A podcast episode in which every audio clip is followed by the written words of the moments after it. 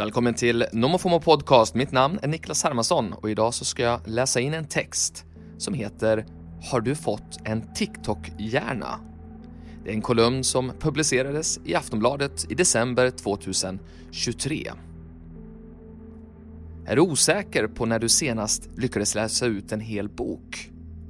Och låt mig gissa, du mutar dina barn med onsdagsgodis för att läxorna ska bli gjorda. Ta det lugnt, du är inte ensam. Människan blir allt mer lik hundar. Är det TikToks fel? Det var i slutet av 2010-talet som en kinesisk videoapp plötsligt tog världen med storm med sina korta klipp och världens bästa algoritm. Och den dominansen har hållit i sig. De senaste åren har TikTok varit den mest nedladdade appen globalt och anses numera vara ett måste för den som vill vara kulturellt medveten eftersom det är där som trender föds och blir populära. Det har inte undgått konkurrenterna som kopierar allt TikTok gör, vilket till och med har fått ett namn. TikTokification.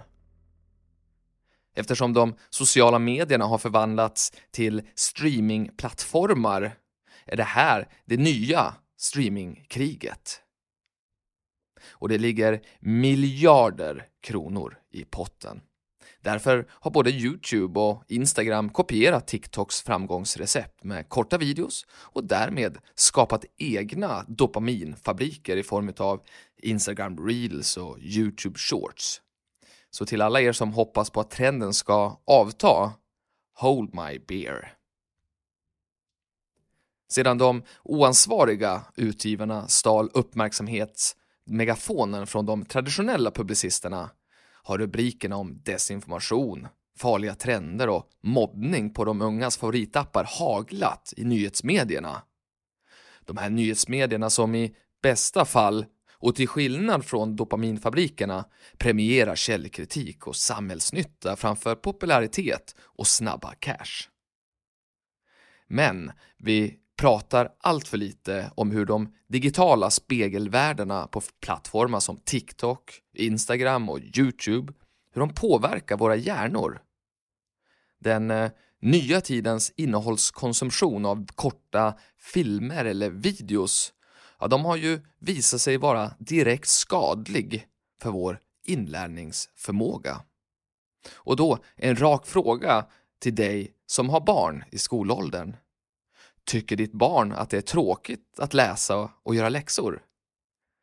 Om svaret är ja, då kan det bero på att han eller hon har utvecklat en TikTok-hjärna som gör det svårare att engagera sig i aktiviteter som inte ger omedelbar belöning.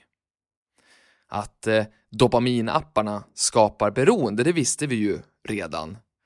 Men nu visar en ny studie att konsumtionen av korta videos även kan skada barns koncentrationsförmåga. Och det kan ju låta som en självklarhet. Men om det är en självklarhet, varför låter vi det då pågå?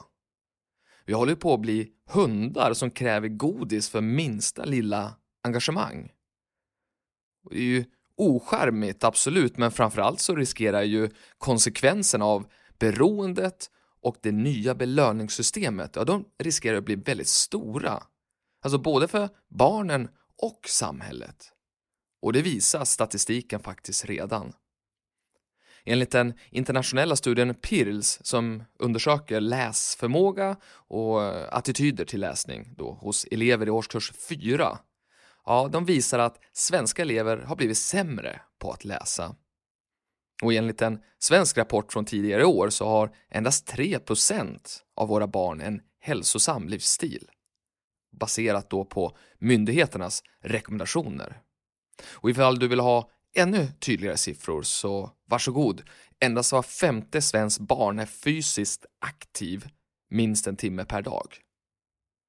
Och visst, man blir ju glad och det är sunt att springa, men ingenting är uppenbarligen lika tillfredsställande som den senaste virala TikTok-trenden.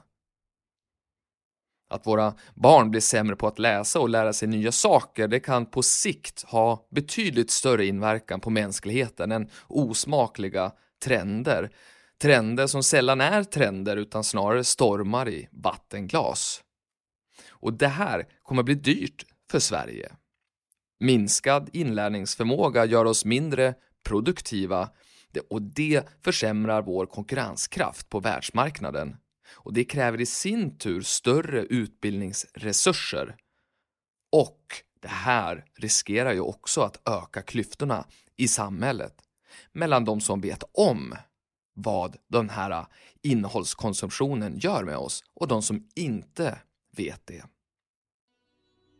Vi inser att konsekvenserna av TikTokification-trenden som sprids som en löpeld via, via våra barns telefoner. Vi inser dem ju, men vad gör egentligen vuxenvärlden? Vad gör föräldrarna för att rädda barnen från att utveckla en TikTok-hjärna? Vi kan inte blunda för det här hotet som ju både är ett hot mot den unga generationen och den generella samhällsutvecklingen. Det är ett stort misstag som jag hoppas att våra barn inte ska behöva straffa oss för på vår dödsbädd. Men frågan är om de ens är förmögna att förstå dopaminfabrikernas baksida. Än mindre minnas. Vems är egentligen ansvaret för att barns hjärnor får träning? Det är lätt att peka och skylla på andra, lärare och, eller i det här fallet, TikTok. Men om du väljer den enkla utvägen, då är nog risken stor att även du har drabbats av TikTok-hjärna.